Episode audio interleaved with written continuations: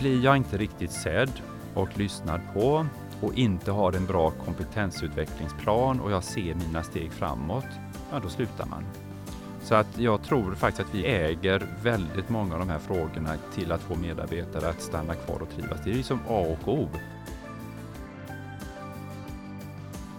Han spänner bågen rejält och menar att köerna i vården ska bort. Möt Thomas Wallén, sjukhuschef i Helsingborg och förvaltningschef i Nordväst.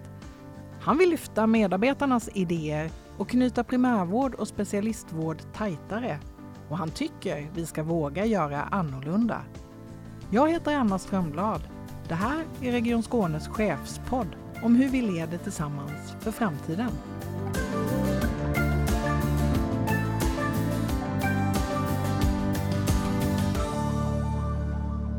Hej Thomas! Varmt välkommen till Chefspodden. Mm, tack! Tack Anna! Så roligt att ha dig här. Du har ju varit förvaltningschef i Nordväst och sjukhuschef i Helsingborg sedan september, så nu har det gått lite mer än ett halvår sedan du klev in och började här i Region Skåne. Hur har du det på jobbet? Det är nog eh, lite mer att göra än jag trodde. På vilket sätt då? Hur skulle du sammanfatta dina intryck? Nej, men det är ju en förvaltning som eh, i ganska många år haft ganska tuffa utmaningar. Jag tror att de flesta i vården i Skåne känner till att det är väldigt högt söktryck på vår akutmottagning. Och vi har en ganska bekymmersam vårdplatssituation sedan många år. Och eh, jag visste nog om en del av det, men kanske inte allt. så att det, ehm, jag, försöker in, jag försöker ju inte att det ska bli liksom allt för långa dagar och eh, jobb på helger. Men det är många frågor att stå i. Mm, känner du dig överraskad eller överrumplad av utmaningarna? Nej, alltså överraskad är jag inte för jag tror att Alltså i princip, jag skulle säga så att de flesta, kanske alla akutsjukhus i Sverige idag har samma utmaningar kring kompetensförsörjning, kring överbeläggningar, vårdplatsbeläggning, tillgänglighet. Så det har jag varit van vid och, och jobbat med i andra förvaltningar. Men jag får nog säga att med de erfarenheter jag har så, så är det kanske lite mer utmanande där jag sitter idag. Mm. Du, du har ju landat rakt in i hetluften och du kom ju också in som chef under pandemin här i en, i en riktigt tuff situation, inte minst under hösten eh, 2021 som vi har lagt bakom oss. Nu spås ju lite ljusare tider men också nya utmaningar får man väl säga. Hur tänker du kring läget vi står i just nu? Jag tror att vi har vi har eh, ju stora bekymmer kring kompetensförsörjning. Jag tycker också att jag ser en hel del bekymmer, de flesta akutsjukhus, kring, kring finansiering och, och liksom kostnadskontroll. Det här är ju ett, ett bekymmer som väldigt många har. Och vi behöver få ihop bägge, bägge delarna. Och då behövs ju en del arbetsro. Eh, kan man jobba mycket mer metodiskt än vad vi gör idag så är jag helt säker på att att liksom den skattekraft som finns kan räcka till. Men just nu när vi hela tiden jobbar i uppförsbacke och jobbar med krishantering kan man säga, för dagligdags med överbeläggningar och övertid, då är det väldigt svårt att också jobba med kostnadskontrollfrågorna. Mm. Och, och, vi vet ju att många invånare väntar på vård i Skåne och, och, du talar själv om mediebilden. Det har ju bland annat skrivits om, om situationen på akuten eh, i Helsingborg eh, som ju också hotas av, av nya viten utifrån den här bristen som du pratar om, brist på vårdplatser. Hur tänker du att vi, hur, hur är din bild av läget att komma ifrån den här krissituationen eh, som du pratar om? Jag vill dela upp det i två delar tror jag. Det ena som är liksom tillgänglighet till, till den icke akuta vården, alltså tillgänglighet till den planerade vården. Och jag har sedan första dagen jag kom till förvaltningen uttryckt att, att det är ju orimligt och eh, med de väntetider som är. Det, det, är fullständigt orimligt att man ska behöva vänta i ett halvt år till ett år. Nu gudskelov inte majoriteten. Majoriteten får ju vård inom 90 dagar, men 90 dagar är ju också ganska lång tid. Mm. Tre månader är det. Det är tre vänta. månader. Mm. Och eh, och vi måste ändra synsättet helt och hållet. Vår, liksom våra värderingar, kulturen kring, kring eh, väntetider och de, bekymmer det ger, både för oss som organisation och invånaren som behöver vänta så länge. Och där, där, eh, jag har till och med uttryckt mig så att det är otillständigt att ha köer över 90 dagar och det kanske till och med är så att vi borde ligga på 30 och 60 dagar. Och här tror jag att vi saknar en del grundkompetens kring liksom flöden, logistik, att tänka produktionskapacitetsplanering. Även om vi har pratat om det ganska många år så är det nog många som inte riktigt förstår exakt de verktygen. Det här att du säger att, att köerna ska bort, är det verkligen möjligt? Absolut. Mm. Vad, Absolut. Be vad behöver vi göra då för att förbättra situationen? Ja, vi har ju startat upp nu ganska många pilotprojekt inom förvaltningen eller eh, ett av våra tre övergripande stora förbättringsprogram. Och ett av dem då, det är då ökad tillgänglighet till mottagning. Och det visar sig att våra medarbetare har förstås åtskilliga tankar och idéer kring hur man borde göra. Men man har inte fått utlopp för det här tidigare utan man är en del av liksom produktionen och kommer till jobbet och tar hand om sina patienter. Vi kan ju Eh, Eh, vi tittar idag till exempel på hur kan, vi, hur kan vi underlätta för primärvården att göra rätta val?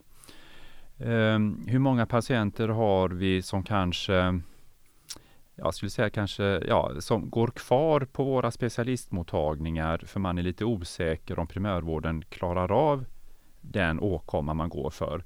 Samtidigt som primärvården säger att ja, men de, här, de här patienterna är ju redan hos oss, för de har ju andra sjukdomar, så de går ju redan hos oss en till flera gånger om året. Och det är klart att behåller vi patienter som egentligen primärvården borde ta, då det är klart att då tär vi ju på den kapaciteten för de nybesök vi har.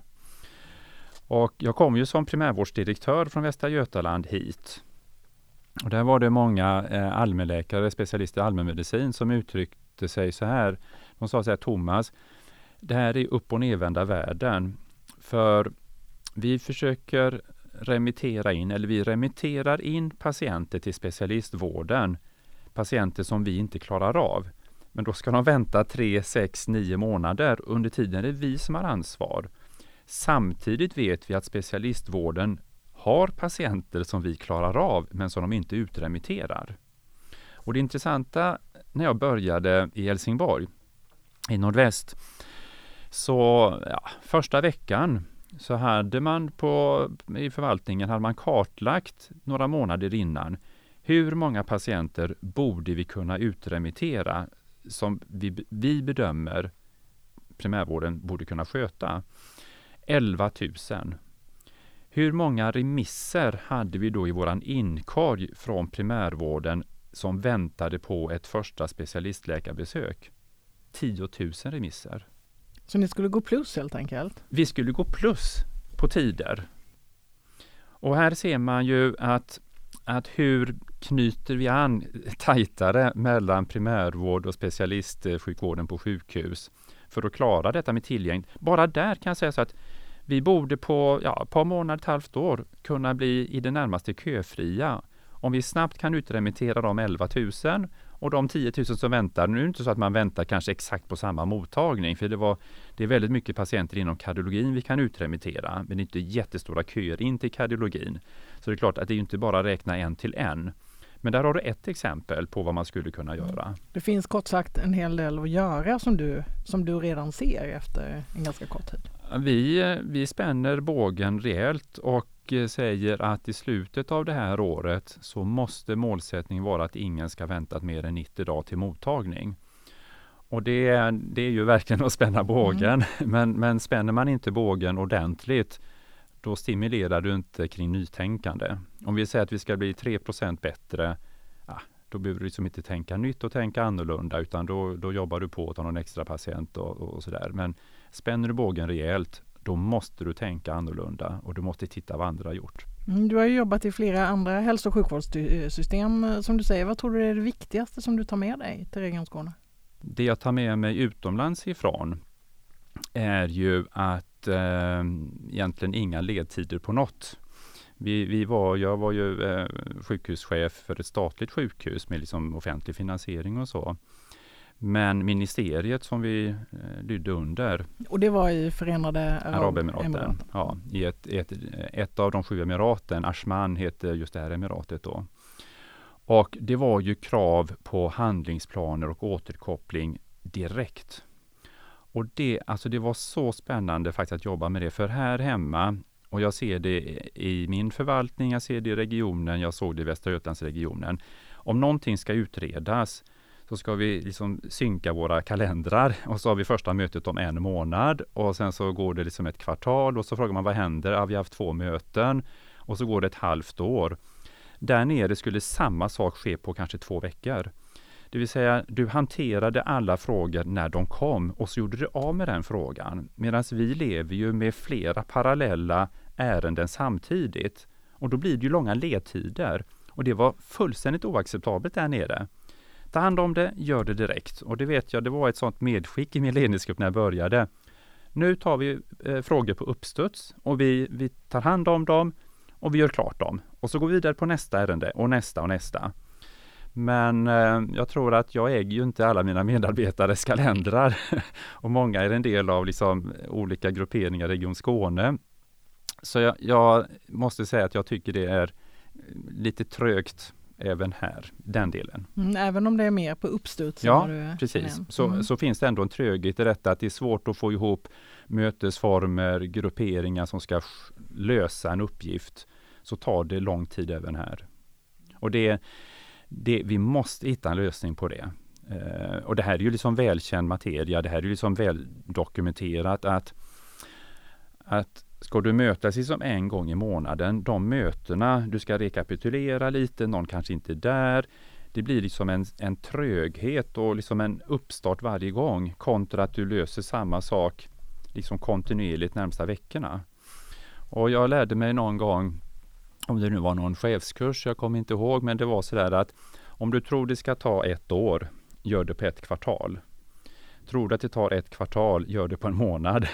Tror du att det tar en månad, gör det på en vecka. Ja, tar det en vecka, gör det imorgon. Och jag tycker det är rätt klokt. Mm, och låter lite grann som det tempot som har hållits under pandemin kanske? Ja, precis. Ja, mm. där hade man ju inte tid. Och så pandemin var ju superspännande i det att vi förde ner beslutsmandat långt ner i organisationerna för att kunna justera hela tiden kontinuerligt.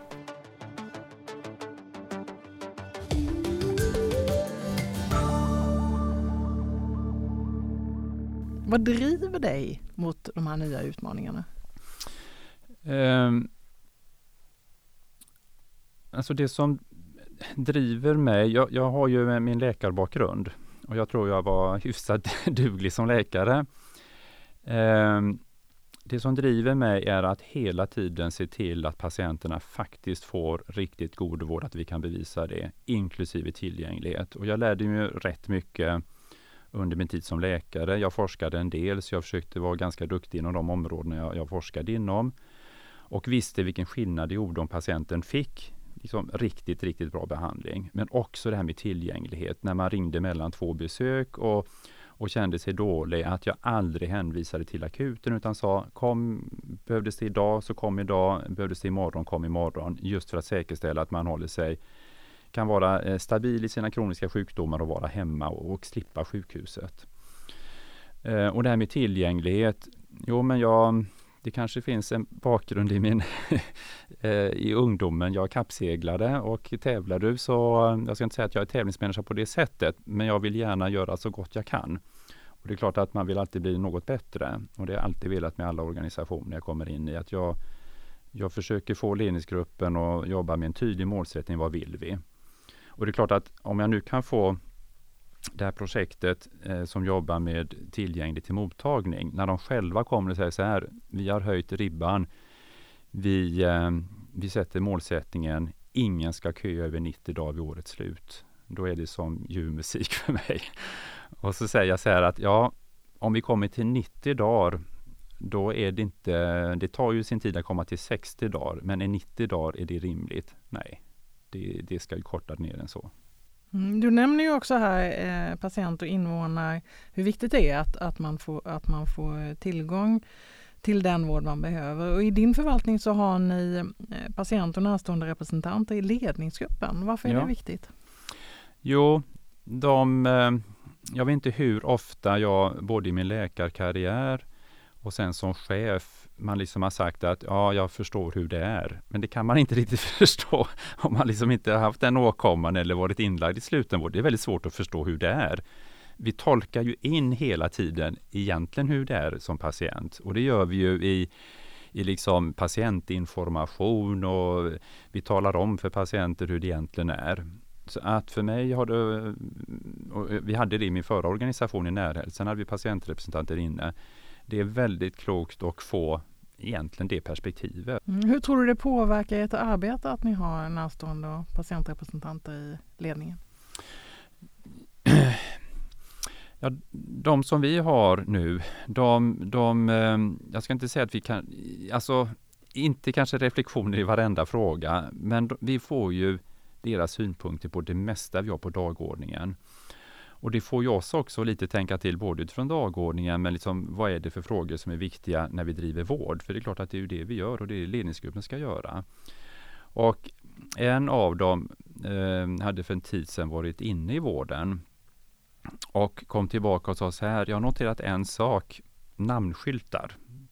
Eh, det är rätt viktigt för patienten, både professionsskyltar men också själva namnskylten. Och så sa eh, den här personen så här, varför har ni inte tydligare färgkoder? Jo, men det har vi för en del professioner. Jo, jo, men många har ju inte skylten på sig. Och för det andra, själva namnskylten, det är så liten text och jag som patient som kanske är lite nedsatt och ligger i sängen, jag ser ju inte på vad som står på en enda namnskylt. Och, och, den här patientrepresentanten är ju inte liksom gammal på det sättet och dålig syn och, och sådana saker. Utan när du är inlagd i vården, du är nedsatt, du är påverkad. Du kanske har feber, ja, du är påverkad kanske av läkemedel och sjukdom. Och så har vi namnskyltar som är helt oläsbara. Så jag lyfte detta till mina två förvaltningschefskollegor för somatiken, då, Björn och Johan, och sa, borde vi inte titta på detta? Så att jag har faktiskt idag på morgonen samverkat i min MBL och i samverkan med det förslaget vi, har, vi kommer att föreslå för regionen kring färgsättning på namnskyltar. Och sen får vi se om vi får med oss förnamnet bara, som mm. patienter tycker räcker. Mm. Bra exempel på hur invånarna faktiskt också kan påverka såväl små som stora. Det är ett väldigt konkret, tydligt mm. exempel. Mm. Men då har vi det här med tillgänglighet. Alltså de gör ju bara tummen upp att vi jobbar kring med tillgänglighetsfrågorna på ett annat sätt än vad vi kanske traditionellt har gjort. Mm. Hur ser du på involvering av invånarna? Hur, hur skulle vi kunna bli bättre? Ja, vi borde nog ha det på, på fler ledningsnivåer. Och eh, jag vet att vi har försökt på verksamhetsnivå, men, men eh, du måste våga det här courage mod. Det är en av mina eh, ledningsprinciper, att våga att göra lite annorlunda. Och här behöver vi nog jobba mycket med våra chefer. Det är inget Alltså jag tror att man, man kan känna sig obekväm för man vill prata liksom Eh, kanske kanske ledningsgrupper på, på lägre nivåer, verksamhetsnivå eller kanske ner på enhetsnivå, så kanske det blir väldigt konkreta patientfrågor, fall, eh, problem i vården och jag tror att man kan vara lite rädd för att, att yppa sånt i en ledningsgrupp där man har patient och närstående representanter. Så att jag tror att en del har lite farhågor för att mm, vilka frågor ska vi då hantera och vilka frågor är svåra att hantera om vi har, har närstående representanter. Mm, vilka krav ställer det på verksamheterna?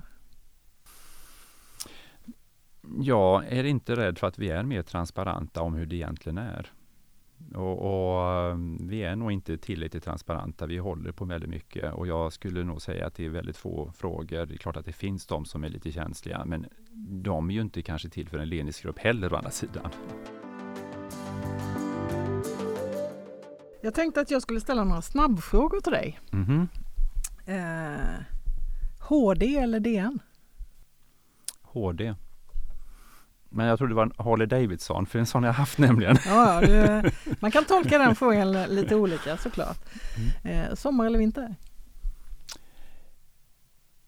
Alltså det är norrländsk vinter säger jag då, mm, inte skånsk vinter. Ja, jag är född norrlänning och så flyttade min pappa, han bytte jobb ganska ofta så jag fick ju flytta, vi fick ju flytta runt eh, ett antal gånger och vi flyttade tillbaka till, till eh, Umeå. Men då var jag så mellan 8 och 11 år. Men eh, nej, jag gillar väldigt mycket vinter och vinterskid. Men då får det vara snö och kallt. Inte blask som i Göteborg eller i Skåne. Mm. Idol eller Talang? Idol. Jag har hört att du eh, har anordnat körslag. Ja. Nej, men man måste ju ha lite kul på jobbet. När eh, jag jobbade i Södra Älvsborgs sjukhus med Borås och Skene, det är väldigt snarlikt Helsingborg och Ängelholm. Då ville vi hitta på lite roliga saker eh, och det var ett antal saker. Bland annat så anordnade vi körslag när det var mycket på tv. Och det blev så populärt. Vi hade ju en jättestor matsal, vilket vi tyvärr saknar i Helsingborg i alla fall. Och eh, den var liksom helt full. Och radion P4 Sjuhärad kom dit och direktsände finalen och det var ett antal körer och vi Musikskolan ställde upp med körledare så att alla körer eh, ja, fick liksom hjälp till att till, till liksom utveckla sin, sin körtalang. Och så även staben. Och vi, eh, en av våra låtar, vi kom ju inte till final då, men en av våra låtar, eftersom vi då staben jobbar mycket med ekonomi, så var det förstås Money, Money, Money. Eh, västkust eller östkust? Västkust. Bräckt vatten, det är inget för mig. Bräckt och ogenomskinligt vatten, det ska vara västkust. Mm. Saltvatten och klart. och kala öar. Mm, och du bor i Mölle? Jag bor i Mölle. Mm, vad gör du? Ja, nu bor jag i Helsingborg. Sommarstället är i Mölle, men uh, vi flyttade in till stan här för kanske sex veckor sedan. Vi mm. köpte lägenhet och sen har den fixats till lite. Mm. Så att jag bor i Helsingborg. Slö solsemester eller aktiv semester? Aktiv semester. Jag är alldeles för rastlös. Alltså, vi har varit på solsemestrar. Men eh, nej, ja, alltså det kan inte ligga i en solstol en kvart utan att bli rastlös. så Se eh, aktiv semester. Ja, du seglar på semestern? Ja, ja, vi har ju haft segelbåt jättemånga år men nu har vi inte båt alls längre. Kanske en liten motorbåt denna sommar. Men, eh. Har du gett upp kampen mot eh, lillebror? Jag har hört att ja. du har en eh, lillebror som eh, har ett OS-silver i segling. Ja, han har nog 11 VM-guld i olika klasser och eh, OS-silver och lite OS-fyror. Så att han rår jag inte på. Nej. Men jag säger som alltid, jag lärde honom allt jag kunde, för jag var ju tre år äldre än honom. Så han fick ju lära sig, när han var sju och jag var tio, det är klart jag fick lära honom ett och annat. Mm. Det var du som lärde honom segla då? Ja, det är det, är det som är historien.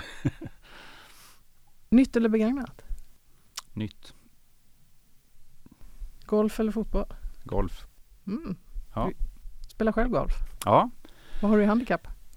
Ja, eh, den ligger nog på 21, någonting. Så det är väl sådär. Jag fick nämligen eh, golfarmbåge. Det finns något som heter det. så att jag var helt indisponibel några år tills några ortopeder satte kniven i armbågen. Så att då då blev det lite försiktigt i början så att jag kanske ska neråt 15 tror jag så småningom.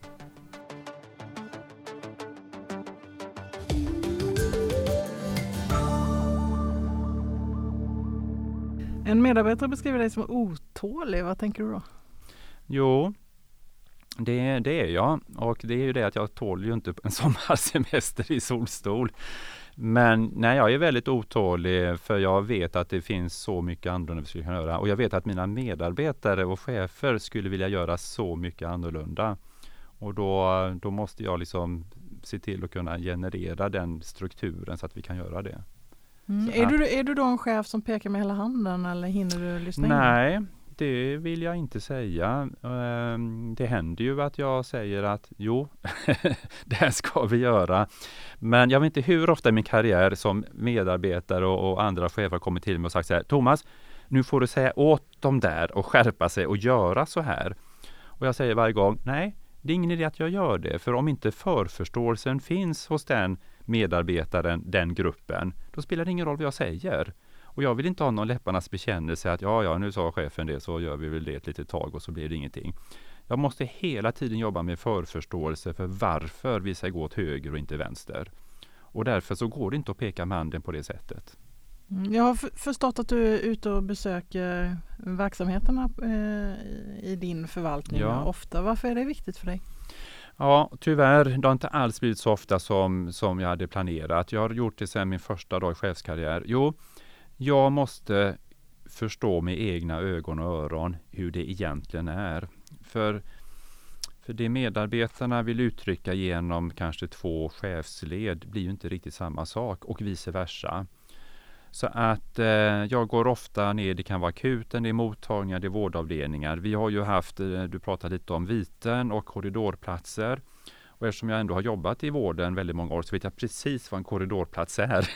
Men ändå så gick jag ju upp till de olika avdelningarna där vi hade det. Bara för att bilda mig min egen bild och prata med sköterskorna och undersköterskorna, liksom hur det är och hur de hanterar patienterna och hur det är med integritet och ringsignaler och sånt där. Det, man måste se med egna ögon och det, är, det finns inget annat sätt än att vara ute själv. Men då ställs ju frågor tillbaka. Ibland sitter jag ner kanske på en APT eller jag säger att jag kommer upp på en kaffepaus.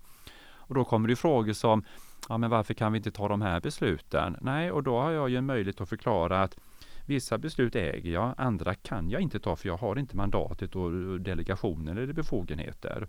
Så det ger ofta en väldigt bra återkoppling från bägge parter att få en förståelse för bägge situation. Och det tror jag är helt nödvändigt. Hur tror du det påverkar kulturen på arbetsplatsen att du är en synlig chef? Jag tror och hoppas det smittar av sig, nämligen våra jag skulle säga så att våra chefer, vi måste vara närvarande på alla nivåer och väldigt närvarande. Inte för att styra upp, utan för att coacha, vara mentorer, stötta, se, lyssna in.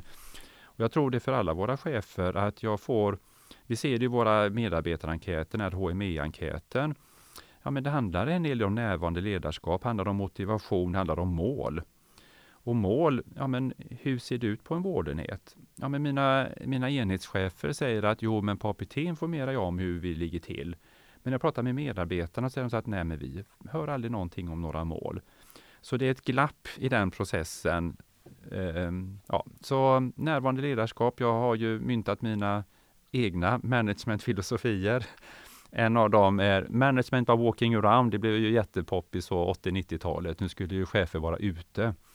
Och det är ju alldeles för passivt. Management var walking around, det är att gå runt och heja och hälsa och titta på hur fint det är och sånt. Jag pratar om management by presence, det vill säga den här närvaron och sinnesnärvaron, att känna in vad, vad sitter i väggarna här? Hur pratar man? Vad, liksom, vad, är, vad är det för kultur egentligen som, sitter, som finns här?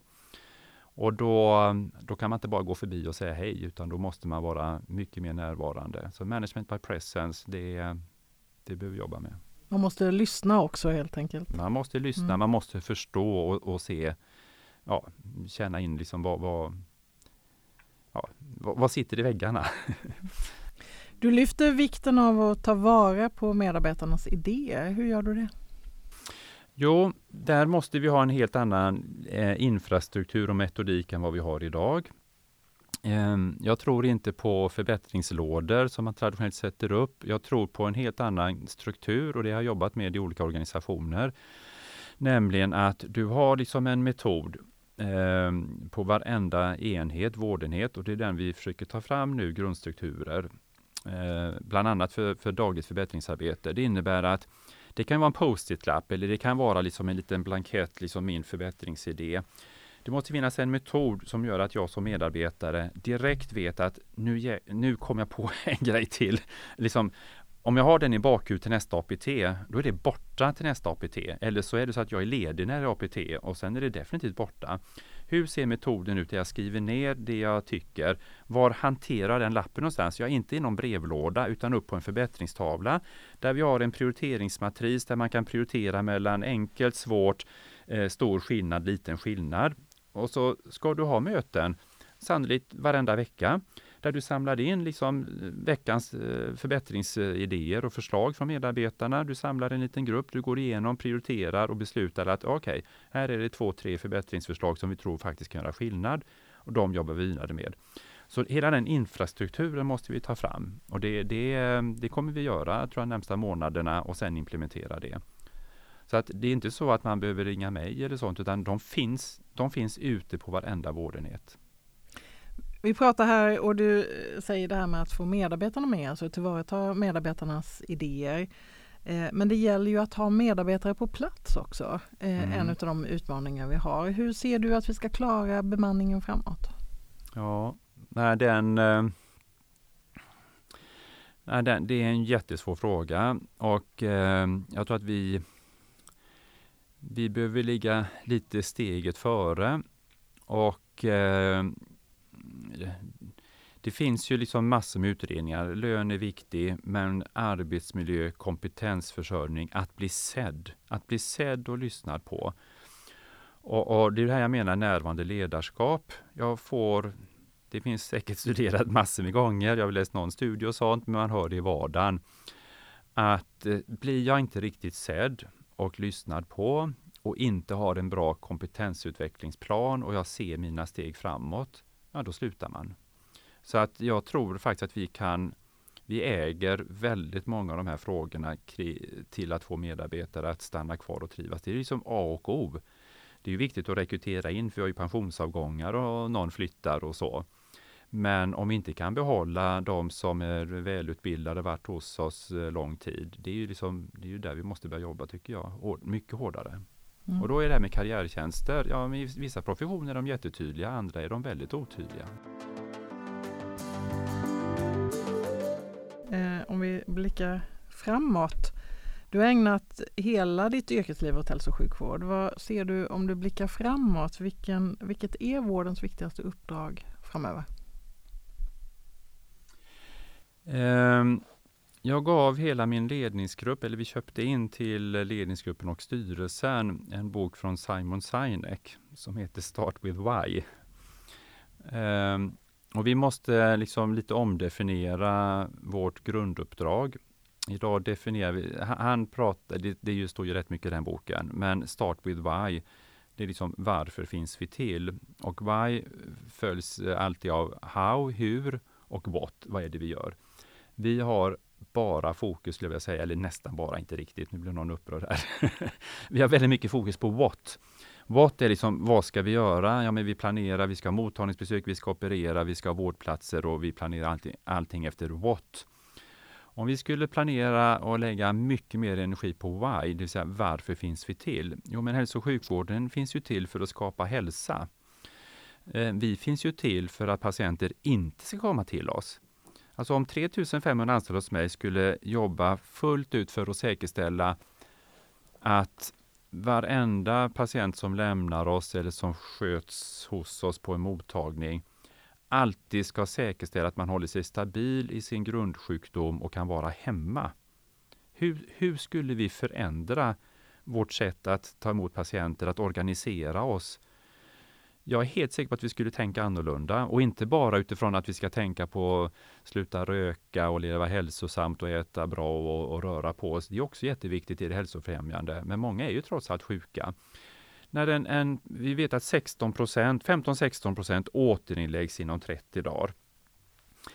Ja, Ehm, hur ska en utskrivningsprocess egentligen fungera och återkoppling dagen efter, några dagar efteråt för att säkerställa att allting fungerar hemma? Hur skulle den se ut om vårt eh, huvudsakliga syfte var att jobba med why och inte med what? Det innebär ju lite perspektivskiften för oss ja, och tänka lite annorlunda. Vad tror du utmaningarna i det finns? Nej men jag tror eh, det, det, finns nog en konservatism kring liksom så här är sjukvård organiserad och sjukhusen är stora och ska ha många vårdplatser och primärvården i ett svenskt perspektiv är ju ganska liten om man jämför internationellt. Och, och vi behöver liksom verkligen tänka annorlunda här och det är klart att det är ehm, det är väl här det gäller att vara både modig och hitta de här idéerna hur vi skulle göra. Så att ehm, men ja, det, vi måste gå till hållet. Mm. Vad kommer att krävas av oss? Ja, det krävs rätt mycket av oss som, som först och främst högsta chefer förstås. Att inse det här att det, vi kommer inte ha ekonomi och medarbetare för att klara traditionell hälso och sjukvård framöver och framförallt en sjukhustung vård. Det, det kommer vi inte klara. Mm, och du lyfter ju också här samarbetet, eh, vikten av samarbete med till exempel primärvården och mm. sjukvården och kommunerna då med utskrivningar och så. Eh, på vilket sätt kan vi skapa det här? Vad kan du, hur kan du bidra till att skapa samarbeten över de här gränserna? Ja, då tycker jag att jag har ju lyckan att både varit chef för primärvård och eh, sjukhusvård och, och, som geriatriker även ett antal år sedan så hade man ju ständigt samarbete med kommunen så att jag, jag vet ju lite de kommunala vägarna. Men eh, om vi tar primärvård. Nu, nu har vi inte lyckats sjösätta det jag hade som, som ambition när vi började, nämligen vad händer om vi har liksom en digital dagjour inom de flesta specialiteter mot primärvård? Ja, men det finns forskning som visar att kanske 50% av remisserna in till sjukhuset skulle kunna undvikas om primärvården fick ett, ett bra specialiststöd med patienten i rummet. Då måste vi ju då behöver vi liksom omorganisera varenda mottagning hos oss, eller åtminstone varje klinik i varje specialitet. Hur ska jag säkerställa att det finns en kardiolog tillgänglig, en neurolog, en lungläkare, en barnläkare och så vidare? För att säkerställa att eh, ge stöd till primärvården. Eh, vi har läkare för att kunna eh, stötta primärvården och man kan ju fundera på inom specialiteter som inte är sådär jättemånga samtal inom dagen. Ja, men då måste vi ju eh, Eh, sjukhusförvaltningarna samsas förstås. Ja, men det räcker, om, det, om det räcker att det är en neurolog som är eh, jour, dagjour eh, mot primärvård. Ja men då får vi väl turas om då. Ibland är det Kristianstad, ibland är det Helsingborg och ibland är det Malmö-Lund. Så att det är inte så att vi, varje sjukhus måste hitta sin egen linje. I vissa specialiteter måste man göra det för det är så vanligt. Men om vi börjar på högsta nivån och säger att det här ska vi göra, då, då kommer vi göra det.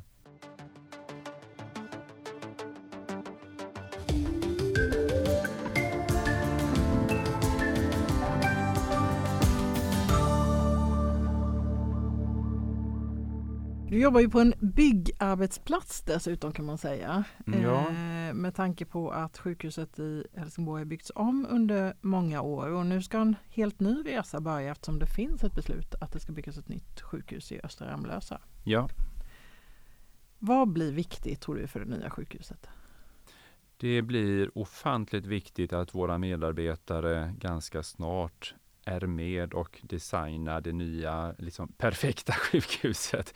Det, det, är inte många förunnat att få designa, vara med och designa liksom, vårdprocesser, flöden på ett nytt sjukhus. För det byggs inte så många nya sjukhus. Man renoverar och bygger till. Alltså det, det är, en, det är, ju, det är ju rätt unikt att få göra detta.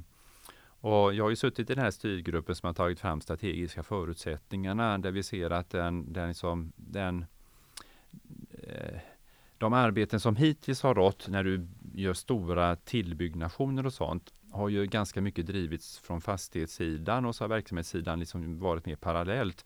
Men här, här har vi kommit fram till att verksamhetsdelen, alltså vården i sig, måste in lite före och tänka till. Hur ska liksom en riktigt god vård, hur bedrivs den på en sjukhustomt och, den som, och hur bedriver den tillsammans med andra aktörer och vad ska då bedrivas på sjukhustomten? Och vad är det då för samband inne på sjukhustomten så att du kan designa liksom, eh, vårdlokaliteterna på det här, liksom, ja, jag säger perfekta sättet, det finns ju inte, men så bra som det bara går. Mm. Ja, det, det är sån eh, möjlighet så att det ja, mm. helt fantastiskt ska det bli. Men hur stort ska det här sjukhuset bli? Behöver vi ett nytt stort sjukhus eh, om vi ska flytta vården närmare invånare som du pratar om? Ja, det är fortfarande så att eh, Eh, det kommer vara väldigt mycket vård som inte går att bedriva i hemmet. Och en dag kanske vi säger så här att jo, men vi kan ha respiratorer i hemmet. Jo, men vi kan inte ha sjuksköterskor och läkare på plats på så många ställen, utan det blir ju eh, ja, Ehm, vi, kommer kunna bedriva väldigt avancerad vård i hemmet, men det är ju mycket där, där jag, inte, jag ser inte annat än att sjukhuset behöver finnas. Så ibland pratar vi om liksom det virtuella sjukhuset. Nej, men det är ju mer att du samlar tjänster någonstans och så sköter du en del av vården som traditionellt sett kanske har skötts på sjukhuset. Så det kommer ju att komma, men du har mycket kring trauma, svåra sjukdomstillstånd. Du kommer inte till sjukhuset med blodförgiftning, du har ramlat, du har en fraktur du har buksmärtor, eh, skallskador, bilolyckor. Alltså det, det är liksom jättemycket. Jag menar, tar du Helsingborgs lasaretts uppdrag så är vi 90 procent är akutsjukvård. Och det går säkert att minska på den genom bättre samarbeten. Men det säger ju ändå att det är ganska liten del som är det planerade. Mm, det är mycket att tänka till eh, kring när det gäller hur, hur, verksamheten ska bedrivas på det nya sjukhuset. Finns det risk att det är omodernt, tror du, innan det blir klart? Ja, nej det tror jag faktiskt inte. För vi, vi säger ju liksom att ja, men om 10-12 år då, liksom, då har så mycket hänt. Men tittar vi 10-12 år, 20 år tillbaka Alltså vården bedrivs ju ganska traditionellt, även om det kommer lite nya liksom, utrustningar och det kommer, har kommit en robot och lite sådana saker. Det är klart det kommer komma nytt, men jag tror ändå att de här dramatiska förändringarna ser vi inte liksom 10-15 år fram, utan jag tror det kommer fortfarande vara man vårdas på en vårdsal och man har sin säng och man opereras på likartat sätt och sådär. Så att jag, jag inte, men däremot måste man ju bygga in på ett helt annat sätt i, i byggnaden flexibilitet och verkligen tänka det från första början. Hur gör vi om våra lokaler? Här har man ju tittat mycket, Chalmers har ju vårdforskning.